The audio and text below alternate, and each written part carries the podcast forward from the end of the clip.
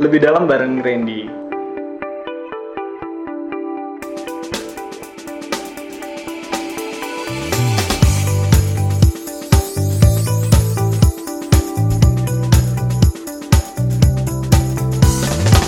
LDR itu bukan solusi. Artinya ketika pun sekarang aku menjalani LDR itu Ha-ha. sebenarnya karena keterpaksaan mas, bukan keputusan Oke. sadar sebenarnya. Yang namanya cinta itu memang butuh dirawat mas. Ya dengan hal-halnya mungkin terkesan bucin lah ya nggak apa-apa lah disebut bucin, Tapi yakinlah bahwa dia adalah satu-satunya yang singgah di hati kita gitu ya. Waduh, waduh. Singgah doang nih gitu. Oh enggak, menetap ya. Konflik dalam rumah tangga menurutku selama itu dosisnya tepat itu ibaratnya kayak obat mas. Tapi kalau dosisnya kebanyakan itu bisa overdosis juga kita bisa mati mas.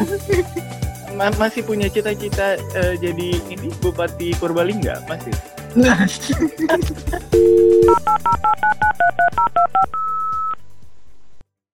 Assalamualaikum warahmatullahi wabarakatuh. Waalaikumsalam warahmatullahi wabarakatuh. Masya Allah Ustadz, kaifa haluk? Alhamdulillah. Bikhairin walhamdulillah. Wa kaifa haluka ant? Ih, Sebenarnya ini lebih enak kalau aku pengen lihatnya lihat wajahnya Mas Randy juga sebenarnya. Oh iya, silakan, silakan. Tuh, kelihatan nggak wajahku? Aku takut ini eh, apa? Ganggu konsen ya. Bukan ganggu konsen, tapi sinyalmu tuh nggak kuat gitu. Oh iya benar. Makanya bener kayaknya memang gak usah pakai itu aja. Takutnya sinyalnya gak bagus ya. Ya kan malum kan beda kan di sini kan di kota ya. Kalau di sana kan ya, Mm. Agak Desa masuk masuk dan dikit da- lah ya. desa dan daerah pinggiran gitu ya. Bener. Makanya kemarin waktu pas kita pernah zoom yang bareng sama LPI ya, Nah, itu nggak ada itu. sinyal. Nah, itulah. Udah sampai naik-naik ke atas genteng tetap koneksinya nggak ada. Nggak ada bener. Ini ini kita langsung mulai aja gitu. Jadi kenapa ente nggak nggak bawa keluarga ke Bali nih gitu? Heeh. Nah, jadi kalau misalnya ditanya kenapa nggak bawa keluarga ke Bali, sebenarnya pengen banget mas, Pengen banget. pengen banget, Eh, pengen banget bawa lagi keluarga di sini ya, karena memang menjalani hidup sendiri itu ternyata berat ya. Godaan Berat, banyak. betul, bener banget. Nah, tapi sebenarnya ini mas, yang rencananya itu memang kalau eh, aku sendiri pengen eh, keluarga itu memang bareng-bareng di sini, ya. Hmm. awalnya itu ya pas awal tahun itu kan memang keluargaku aku ajak eh, karena penempatanku sekarang di Bali Ya. istriku juga aku ajak di Bali Hmm. Hmm, nah sem- sempat ke Bali tahun ke- semua tuh keluarga ke sempat ke Bali. Bali sempat ke Bali nah nah sempat ke Bali nah waktu udah di Bali ternyata sambil berjalan istriku ternyata sudah hamil enam bulan Waduh, siapa yang ngamilin tuh? Nah itu dia ceritanya waktu udah hamil enam bulan itu rencananya memang mau lahiran di Jogja hmm, oke. Hmm, jadi pas awal tahun aku antar dah ke Jogja. Rencananya memang mau lahiran di sana. Oke. HPL-nya sekitar bulan April waktu itu. Nah, pas bulan April memang direncanakan HPL. Ternyata di awal Maret ini ada kondisi yang di luar dugaan kita semuanya yang sampai Iya, sekarang iya. itu masih nggak tahu kapan berakhirnya ya. Tapi gini Jadi gitu, waktu- tapi tapi hamil itu di luar dugaan nggak? Oh, kalau kalau hamil itu sudah sesuai perencanaan ya. Kirain di luar dugaan. Jadi, eh, Oke, sesuai oke. perencanaan tapi ada covid waktu itu nah waktu lahiran April ya sampai dengan kemarin kan kita Idul Fitri di bulan Mei ya Ya, jadi baik April ataupun Mei itu nggak bisa pulang. Sampai Nggak sekarang anakku udah usia lima bulan belum pernah ketemu juga. Weh, weh, weh, bentar, bentar, gini, gini. Jadi kamu sempet nganterin di Jogja, tapi nggak sampai nunggu kelahiran ya? nggak karena saya nganternya awal Oh, tahun oke, Nas. Oke. dan sampai sekarang anakku umur lima bulan udah bisa tengkurap udah bisa macem-macem ini nggak bisa pulang. Nah yang khawatir itu ketika aku pulang nanti manggilnya om astagfirullah. ini ayah nak bukan ini om Waduh, waduh, waduh, waduh, waduh. Dan eh, ente juga belum belum sempat pulang berarti ya gitu sampai sekarang nih belum sempat ke Jogja lagi ya. Eh, ken- kenapa nggak nggak menyempatkan waktu untuk pulang barang tiga hari gitu cuti? Hmm, pertama memang eh, jelas faktor khawatir itu ya mas ya karena misalnya di rumah uh, mertuaku kan semuanya kan usianya kan sudah di atas 50 tahun. Oh ya, kelompok rentan ya. Ya, uh, kelompok rentan. Nah, anakku itu kan bisa dikatakan balita semuanya, jadi masuk juga. kelompok uh, rentan. Tuh, itu yang pertama sebenarnya Mas. Jadi kita nggak ketemu bukan karena rasa nggak uh, sayang ya, justru karena ini bentuk rasa sayangnya gitu kan, makanya kita nggak pulang dan nggak ketemu gitu. Luar biasa. Tapi nggak ada. Nah, itu sebenarnya plan awalnya Mas Oke. Okay. Awalnya karena faktor itu. Nah, yang kedua itu sebenarnya memang rencanaku itu bukan hanya pulang, Mas.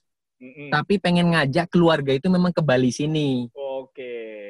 Ya, ya, ya. Itu. Ya. Jadi memang plannya itu setelah lahiran rencana uh, pulang ke sini. Jadi bukan hanya sekedar aku mudik sebentar, ya, kemudian ya. Uh, pulang tiga hari, kemudian balik lagi itu enggak. Sebenarnya memang plannya itu pengen ngajak ke sini. Nah, dengan kondisi seperti macam ini itu kan kalau ngajak terutama anak-anak yang masih balita itu rentan banget sebenarnya.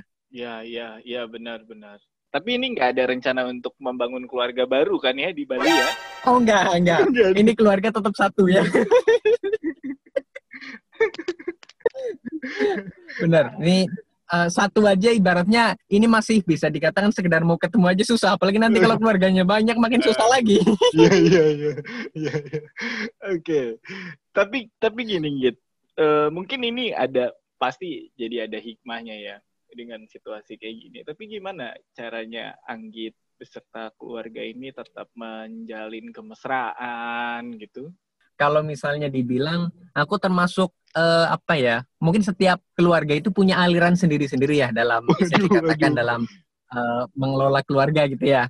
Yeah, nah, yeah. kalau aku termasuk orang yang uh, percaya bahwa LDR itu bukan solusi bahwa yang namanya rumah tangga itu harus bersama. Oh gitu, asik. Ya, jadi ya, artinya, ya, ya. Nah, artinya ketika pun sekarang aku menjalani LDR itu uh -huh. sebenarnya karena keterpaksaan mas, bukan keputusan okay. sadar sebenarnya. Iya iya iya. Ya. Jadi bukan keputusan sadar bahwa kamu di Jogja ya, aku biar kerja di Bali. Itu nggak seperti hmm. itu. Jadi ini memang betul-betul murni karena terpaksa. Iya iya iya. Uh, karena yang namanya keluarga kan perlu yang namanya bisa dikatakan uh, kebersamaan ya, kemudian bisa dikatakan keintiman, kedekatan itu yang nggak bisa dibangun dengan teknologi sebenarnya. Walaupun uh, secanggih apa pun kalaupun, gitu teknologinya, tapi kalau nggak ketemu sentuhan fisik gitu ya, nyubit pipi anaknya, oh itu nggak gua banget lah ya. Benar. Jadi kalau misalnya ketika misalnya kita bareng-bareng sama anak, sama lihat cuma lewat misalnya lewat video call itu tetap beda rasanya. Nah, tapi karena ini faktornya bisa dikatakan faktor yang sangat uh, terpaksa gitu ya mas ya. Nah mungkin yang bisa aku uh, lakukan sih itu pertama selain dengan uh, anak tentu saja dengan pasangan terutama ya mas ya. Iya iya. Karena yang namanya apalagi kita jarak jauh kadang-kadang kan ya uh, muncul praduga-praduga biasanya ya mas ya. Oke okay. menarik nih. Uh, uh, jadi ini ini sebenarnya sangat wajar ketika kita menjalani LDM ada praduga macam-macam ini lagi ngapain ya uh, dengan siapa macam-macam kan mungkin itu ada aja gitu hal kayak gitu ya. Iya iya. Satu hal yang di sini yang paling penting itu kita memang harus saling uh, percaya sih ya Mas ya. Artinya yeah, yeah, yeah. kita dengan pasangan itu betul-betul saling percaya, uh, tidak boleh saling curiga dan seterusnya. Nah, maka di sini yang namanya saling berkabar itu penting banget, Mas. Kalau misalnya kita menjalani kayak uh, LDM ini, ya misalnya cuma sekedar ini nih uh, mau berangkat kerja ya kita absen dulu foto misalnya cekrek ini mau berangkat kerja ya ini lagi makan misalnya. Uh, bukan maksudnya kita bucin kayak bocah-bocah anak-anak sekarang bucin gitu ya. Enggak mas bukan kayak gitu. Karena kalau menurutku yang namanya cinta itu memang butuh dirawat mas. Butuh disiram ya. Ya dengan halal ya mungkin terkesan bucin lah ya. Nggak apa-apa lah disebut bucin-bucin walaupun udah anaknya dua gitu ya itu hmm. jadi uh, update terus aja mas berkabar ya ada apa-apa ya walaupun cuma sekedar kita lagi makan apa ya eh ini lagi makan ini loh kemarin misalnya habis makan bakso di pinggir kantor rasanya enak harganya murah nah hmm. hal-hal sepele kayak gitu itu ternyata membangun kedekatan kita juga mas dengan pasangan ya, ya. jadi pasangan akan lebih uh, percaya dengan kita percaya, gitu ya kan ya. dan, dan yang, yang paling penting, penting lagi selain kita saling ngobrol dan seterusnya tentu saja walaupun kita nggak dekat secara raga tapi kita bisa selalu dekat dalam doa gitu ya. Mantap. Kalau jadi uh, betul. jadi selain kita berkabar kita juga saling ibaratnya saling mendoakan lah.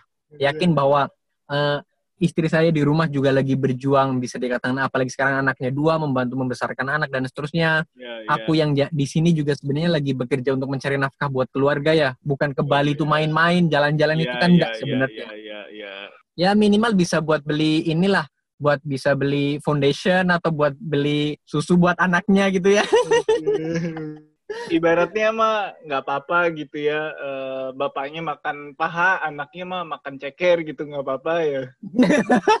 oh itu kebalik pak Nggak apa-apa. Ibaratnya mah anak mah eh, main pasir gitu, bapaknya main PS4 gitu nggak apa-apa. Kalau orang tua mah nggak apa-apa.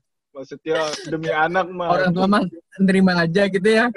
Oh, beli bakso eh, apa anaknya maunya kuahnya bapaknya dikasih eh, pentolnya itu juga nggak apa-apa sebenarnya. Ya orang tua nerima aja lah ya. Terima aja. Kalau emang bapaknya harus yang makan baksonya gitu terima aja lah. Anaknya mau kuahnya Ya, terima gitu, aja lah, nggak apa-apa. kasih, nggak apa-apa.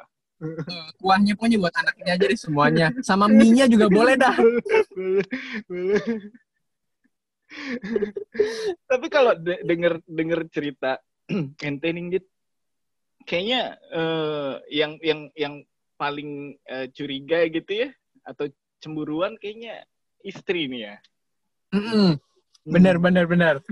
Eh, sebenarnya kalau bilang cemburu bukan hanya istri ya. Mungkin kalau kata seorang pujangga gitu ya itu cemburu itu sebenarnya tanda cinta. Memang ya kadang-kadang mungkin eh, bukan hanya istri sih ya, misalnya eh, saya sebagai suami juga kadang-kadang mungkin ada eh, cemburu dan seterusnya gitu ya. Itu sebenarnya Ah. menurutku hal-hal yang sangat eh, wajar gitu ya. Ketika mungkin Ya, ya.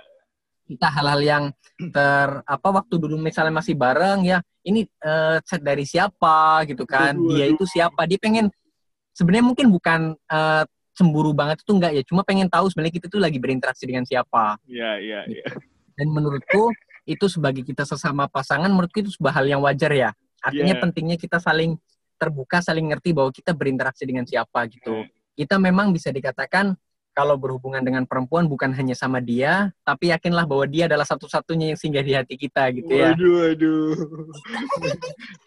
Singgah doang nih, Git. Oh enggak, menetap ya.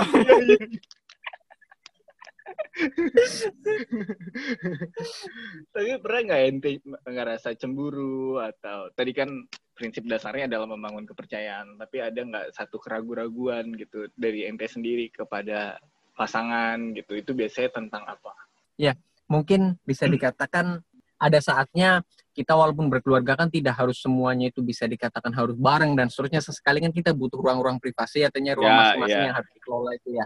Betul itu artinya justru sebagai salah satu cara kalau bahasa sekarang mungkin apa istilahnya ya me time gitu ya Iya, iya. atau apa time. gitu ya anak-anak zaman sekarang gitu ya nah tapi kadang-kadang kalaupun misalnya kita ada sesuatu yang dirasa misalnya dia kok sepertinya sedang berinteraksi dengan siapa ya kita penasaran dan muncul rasa penasaran dan curiga gitu kan daripada kita cari tahu sendiri ya lebih Mhm. enak kita lebih langsung cari tahu langsung sama pasangan langsung ngobrol aja Iya, iya, Gitu iya. ya. iya. kadang-kadang apalagi kalau perempuan kita sedang apa-apa nggak ada apa-apa tiba-tiba dia diem nggak ngomong Heeh.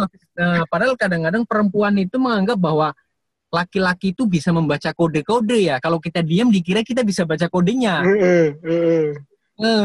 Padahal kan kita juga nggak tahu dia diem kenapa Heeh. nah itu mungkin kadang-kadang menurutku ya mas ya mungkin mas Randy juga pernah mengalami sendiri kalau perempuan itu merasa bahwa laki-laki itu seperti paranormal yang bisa Ya, baca ya, ya. kode-kodenya gitu kan. Padahal kan kita juga nggak tahu juga gitu kan. Nah ini kadang-kadang yang bikin konflik juga mungkin mas. Kadang-kadang Hmm. kita punya persepsi yang berbeda. Perempuan Ya. taunya itu kita bisa baca kode, ya. Karena kalau kita laki-laki pengen ngomong, kalau kamu pengen ngomong ada masalah, tinggal ngomong aja sih. Pengennya apa, Ya, gimana, ya, kan kita ya. bisa lebih ngerti kayak gitu kan. Iya, iya.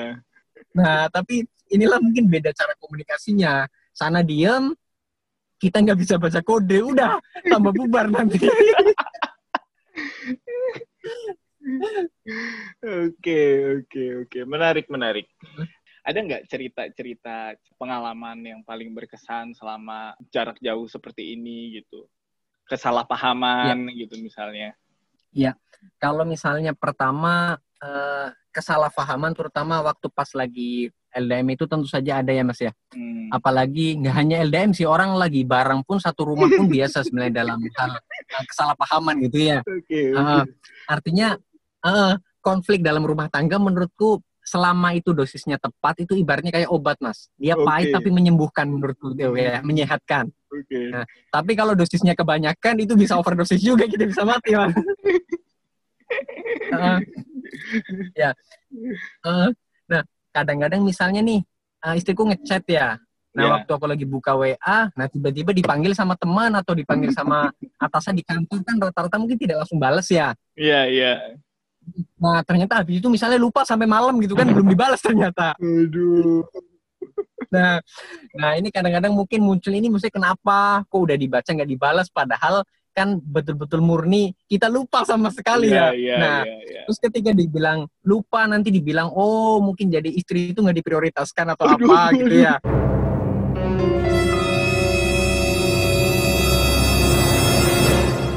Nah mungkin itu hal-hal yang sering terjadi tapi aku eh, gini mas jadi memahami bahwa mungkin di kala lagi hamil itu merasa sensitif dan seterusnya nah aku aja mungkin Ya. yang juga apa salah ngomong eh lupa nggak balas nah kata-kata lupa ternyata punya efek yang sangat panjang ternyata Ya mungkin istrimu juga ini kali sangat khawatir gitu ya sebenarnya jangan-jangan ada apa-apa dengan suaminya gitu di jalan. itu sih mas itu pasti pas sebelum awal bisa dikatakan sebelum kelahiran ya setelah kelahiran Ya, ya. mungkin karena istri juga sudah banyak disibukkan dengan anak dan seterusnya jadi Hmm. kadang-kadang kalau suaminya mungkin belum dibalas pun mungkin Nah. nah, dia punya kesibukan lain gak hanya ngurusin suaminya mungkin ya Tapi istri Itu. eh, eh, nggak lagi nyari ayah baru kan buat anak-anaknya enggak ya? kayaknya ngurusin ayah yang satu ini aja stres nggak ketulungan apalagi nanti nambah ayah ya Oke, tadi ini urusan keluarga udah. Anggit juga dalam beberapa hari terakhir ini kan eh, aku lihat juga eh, di Instagramnya bikin narasi-narasi tentang keluarga gitu. Kayaknya itu jadi penyemangat sendiri juga ya gitu ya. Hmm, sebenarnya sebenarnya pengennya pengen bikin podcast mas tapi ta- Oke. takutnya jadi kompetitornya lebih dalam ya Oh, oke kita sampai di Oh, sini oke. aja podcastnya. Oke. Jadi eh, bener mas, memang yang tadi Mas Randy eh, sampaikan ya, walaupun kita nggak merambah ke podcast ya, karena takutnya nanti kita kan lebih baik kolaborasi jangan berkompetisi ya mas ya. Eh, betul. Jadi masuknya memang ke Instagram itu ya, sebenarnya itu lebih kepada dalam tanda kutip itu lebih ke menguatkan untuk diri sendiri sebenarnya mas. ya. Eh, kalau kita misalnya bikin tulisan, bikin apa, seolah kita sedang memotivasi ataupun sedang membangkitkan orang lain sebenarnya. Nah, Orang mungkin persepsinya kayak gitu. ya ya Padahal yang sebenarnya terjadi, kita itu sedang menguatkan diri kita sendiri Ya, sebenarnya. Ketika kita misalnya kadang-kadang mungkin kita lagi menjalani konflik ya, nah kita Hmm. lebih menasehati diri sendiri nih, bagaimana sih cara mengelola konflik gitu ya. Itu sebenarnya jadi lebih kepada menghibur diri, menasehati diri sendiri gitu ya. Nah, karena kan kita mau minta nasihat ke siapa lagi gitu ya. Nah, nanti meminta nasihat ke orang lain, nah nanti dikira ada macam-macam itu ya. Ya, Jadi, ya, menasehati diri sendiri gitu kan. Apalagi minta nasihat ke istri orang lain itu kan. Wah itu lebih bahaya lagi. Bisa jadi keluarga baru, klaster keluarga. iya bisa jadi keluarga baru itu. Tuh, jadi lebih kepada menasehati diri sendiri sih mas. Iya, aku juga ngelihat apa ada narasi keluarga gitu ya, ada narasi karir juga yang gitu ya. Hmm, betul betul mas. Ma- ma- masih punya cita-cita eh, jadi ini Bupati Purbalingga masih? iya mas. Sebenarnya kalau tadi misalnya bikin terkait dengan narasi dan seterusnya memang tujuannya bukan jadi konten kreator itu bukan nih mas Iya, ya? Iya, artinya yang iya. punya spesifik fungsi tertentu itu enggak ya? Kenapa Iya, membawa nama narasi karir dan narasi keluarga? Karena itu yang sehari-hari aku geluti sebenarnya sih mas. Iya, iya. Nah, jadi masalah keluarga dan juga masalah karir itu kan memang setiap hari kita jalani selain buat nasihat diri sendiri itu juga bisa ya siapa tahu sedikit bisa bermanfaat buat orang lain gitu ya mas ya karena Ya. kan kalau kata Ustadz Randy Adrian Diningrat Ups, Khairun Siapa? nas anfa'uhum linnas gitu ya Masya Allah. Masya Allah jadi sebaik-baik manusia yang bermanfaat bagi manusia yang lain walaupun itu kecil nggak masalah mas yang penting sedikit bermanfaat nah kalau ngobrol masalah rencana ke depan mas apakah Ya. pengen uh, pulang kampung dan seterusnya ya.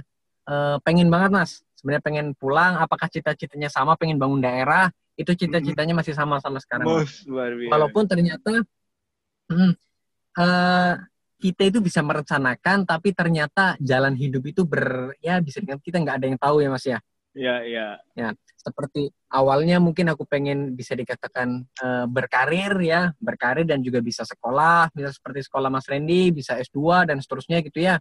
Ternyata jalan hidup itu menuntunku ke kehidupan yang lain. Ya. Aku okay. bukan lagi menggeluti dunia terkait seperti Mas uh, Randy ya, diam-diam meneliti gitu ya. Waduh, waduh. nah, tapi kalau misalnya aku lebih ternyata setelah diam-diam jualan itu kan di dunia uh. sekarang gitu ya Hmm.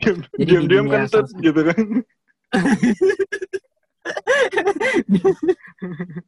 Tapi ngomong-ngomong soal kentut sekarang lebih di ini Mas lebih dihargai sekarang daripada orang bersin atau batu. Iya iya betul betul. Jadi orang kalau dulu apa ada yang bersin alhamdulillah dijawab ya kalau sekarang kalau ada yang bersin astagfirullah. Oke kembali ke Mas. itu ke karir kayak karir ya. Nanti kalau misalnya peluang di masa yang akan datang, Mas, aku juga pengen bisa dikatakan pengen uh, pulang ke kampung halaman, Mas. Ya. ya kalau ya. rencanaku itu mungkin sekitar uh, masih spare sekitar sampai dengan 10 tahun yang akan datang, Mas. Wih. Ya. Mengumpulkan dulu lah, mengumpulkan uh, bekal dulu ya, ya ngajak orang siapa tahu Mas Randy juga mau pindah ke Purbalingga dapat KTP Purbalingga sehingga bisa dapat tambahan satu pemilih misalnya gitu ya. Baik. Akan saya pertimbangkan yang gitu ya. Oke, siap. Karena gini, Mas. Kalau misalnya lihat orang-orang yang mungkin berkarir di daerah, ternyata banyak juga yang bisa dikatakan dia itu dalam tanda kutip alumni-alumni dari perusahaan gitu ya. Oh, okay. Artinya tidak hanya uh, melulu jalurnya itu bisa dikatakan dia memang dari awal itu tinggal di sebuah daerah, dia memang hmm. berkarir di bidang tertentu gitu ya tapi ternyata banyak yang dari berbagai eh, bidang itu kan dia masuk dari perusahaan tiba-tiba masuk dan bisa memberikan nuansa misalnya kalau di perusahaan kan terkenal istilahnya yang namanya uh, good corporate governance gitu ya. Iya, iya. Jadi artinya apalagi di perusahaan swasta yang namanya reward and punishment itu berlaku banget Mas yang hmm. paling uh, aku alami di sini. Ya. ya sering Mungkin kalau misalnya nih, sering dihukum yang gitu. Sering banget. Jadi gini, kalau misalnya aku kan dulu sebelum masuk ke perusahaan sini itu kan pernah sekitar enam bulan itu kan kerja di uh, pusat studi ya, kerjasama okay. dengan uh, salah satu kementerian. Mm -hmm. Ya. Nah, kalau dilihat di sana, kalau yang namanya kementerian ataupun birokrasi pemerintahan itu kan lebih cenderung dalam hal berkarir itu kan seperti urut kacang ya. Iya, iya.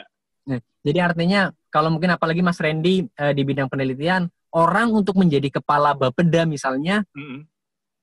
ada yang enggak yang kira-kira umur 30 tahun udah jadi kepala Bapeda? Iya, iya, iya, jarang. Iya. Kalaupun ada Artinya ya. jarang sekali. Hmm. Oh, pasti bisa dikatakan usianya itu sudah berumur lah untuk menjadi seorang bisa yeah. dikatakan untuk berkarir di pemerintahan dengan posisi tertentu ya. Yeah. Nah, makanya, nah mungkin Mas Randy juga pernah mengalami ya bagaimana Mas berinteraksi mungkin dengan orang-orang yang di bagian perencanaan lah ya, di bagian uh, terutama perencanaan dalam tanda kutip yang di bagian dinas itu kan pasti yeah, yeah. orang-orang itu generasinya sudah di atas kita semuanya gitu ya. Hmm. Hmm. hmm. Padahal misalnya kayak Mas Randy ngisi di sebuah kementerian, ya ngisi di sebuah lembaga, Mas Randy masih mungkin dianggap anak oleh mereka. Iya, yeah, yeah. Ya. Gitu kan. Jadi mereka lebih mengenal usia. Nah, kalau di uh, swasta ini di sini itu uh, reward and punishment-nya itu luar biasa mas yang dialami. Yeah. Makanya mungkin istilah eksekutif eksekutif muda itu dikenal di dunia dunia swasta. Iya iya iya. iya. Ya orang masih muda levelnya sudah menjadi apa misalnya uh, direktur eksekutif, manajer dan seterusnya. Hmm. Betul. Artinya di usia-usia yang sangat muda menjadi misalnya manajer riset ya itu usianya yeah. masih muda. Tapi hmm. kalau di kementerian menjadi kepala balit bank misalnya, hmm. Nah, itu mungkin sudah uh, sudah hampir pensiun mungkin ya usianya yeah. ya. Iya karena nah, sesuai uh, namanya ya balit bang, jadi badan sulit berkembang ya jadinya orang-orang yang memimpin itu yang memang yang sudah sulit berkembang. oh, jadi bukan badan jadi penelitian dan pengembangan ya? Namanya makanya harus diganti itu namanya, jadi jangan balit bang lagi. itu mas. Jadi balik lagi ke yang tadi. Jadi reward and punishment itu berlaku banget. Masih muda bisa di karena misalnya prestasinya bagus ya, itu Ya. betul-betul bisa uh, melesat karirnya. Namun di satu sisi Mas ketika uh, jangankan dia melakukan tindakan-tindakan fraud ya ataupun misalnya uh, korupsi dan seterusnya ya, dia nggak perform aja itu bisa di-cut sewaktu-waktu kalau di dunia Ya, swasta. ya. Ya, artinya dia nggak bisa memberikan kontribusi positif nih terhadap institusinya. Iya. Hmm, Nah, spirit-spirit kayak gini menurutku itu eh, bagus banget mas kalau misalnya dimasukkan ke dalam sistem mungkin pemerintahan daerah gitu. Ya. Hmm, Makanya kalau kita lihat mungkin eh, sektor swasta yang semi PNS itu kalau orang-orang yang bekerja di BUMN mungkin ya mas ya. Ya, ya, ya, ya. Jadi dia itu swasta semi PNS. Jadi artinya ritme kerjanya itu dia di atas PNS pasti. Ya. Misalnya orang-orang yang kerja di Telkom. Orang-orang yang kerja di Pertamina dan seterusnya. Dia bukan swasta murni, tapi spiritnya itu di atas eh, orang-orang yang bisa dikatakan pegawai negeri sipil dan seterusnya Ya, gitu. Nah, itu menurutku bekal-bekal itu yang perlu di-upgrade banyak ketika bersyukur sekarang aku banyak di dunia swasta, semoga bisa mengambil ilmu di situ, suatu saat balik ke daerah bisa membangun eh, di sana gitu, Mas. Luar biasa. Hmm. Amin. Berarti Selain sekali lagi ngajak Mas Randy, jangan lupa pindah KTP Purbalingga ya. Nanti 10 tahun lagi biar aku ada yang nyoblos. Minimal kalau kampanye nggak berhasil, ada Mas Randy sekeluarga lah ya. tapi pertanyaannya 10 tahun lagi Purbalingga itu masih ada apa enggak gitu. Nah, itu juga pertanyaan yang perlu diteliti nanti sama Mas Randy ya. Oke, oke, terakhir gitu, terakhir gitu. Jadi apa yang pesan yang mau kamu sampaikan kepada keluargamu, kepada para pendengar podcast lebih dalam gitu. Hikmah apa yang yang bisa kita petik dari cerita ngalor ngidul episode kali ini? Benar Mas. Kalau misalnya dibilang eh, ini lebih kepada nasihat mungkin untuk diriku sendiri ya Mas ya. Ya, ya. Kalaupun misalnya apakah LDR itu sebenarnya LDM itu ya, itu dijalani itu susah ataupun eh, mudah ya. Kalau aku jawab eh, jawabnya itu LDM itu pahit dan sulit sebenarnya Mas. Oke. Tapi ibarat kita misalnya minum eh, kopi tanpa gula gitu ya, kopi panas tanpa gula, Ya. Mm-mm. itu kan udah rasanya pahit. Kemudian yang namanya minum yang masih panas-panas itu kan susah juga ya. Oke. Oh, melepuh. Tapi kalau kita bisa dikatakan sambil berjalan, sambil menikmati, lama-lama kopi itu kan juga rasanya kan nggak terlalu panas ya. Artinya semakin Ya. dingin dan semakin itu, itu kan. Jadi bagi para pejuang-pejuang jarak, ya bagi para LDM dan seterusnya, ya walaupun ini momentum terpaksa, ya kondisi yang sangat darurat, ya kuncinya kita tetap bisa eh, mensyukuri ya. Artinya kita masih diberikan kesehatan ya dalam artian kita LDM kan artinya kita masih sama-sama sehat dan kita masih ada sama-sama di dunia ini gitu ya Ya, ya. itu itu pertama kita harus eh, mensyukuri kemudian menjalani dan juga menikmati mas. Ya, ya, ya. Mm. artinya kalaupun kita berat eh, pisah dari keluarga ya kita juga harus bersyukur tandanya kita punya keluarga gitu.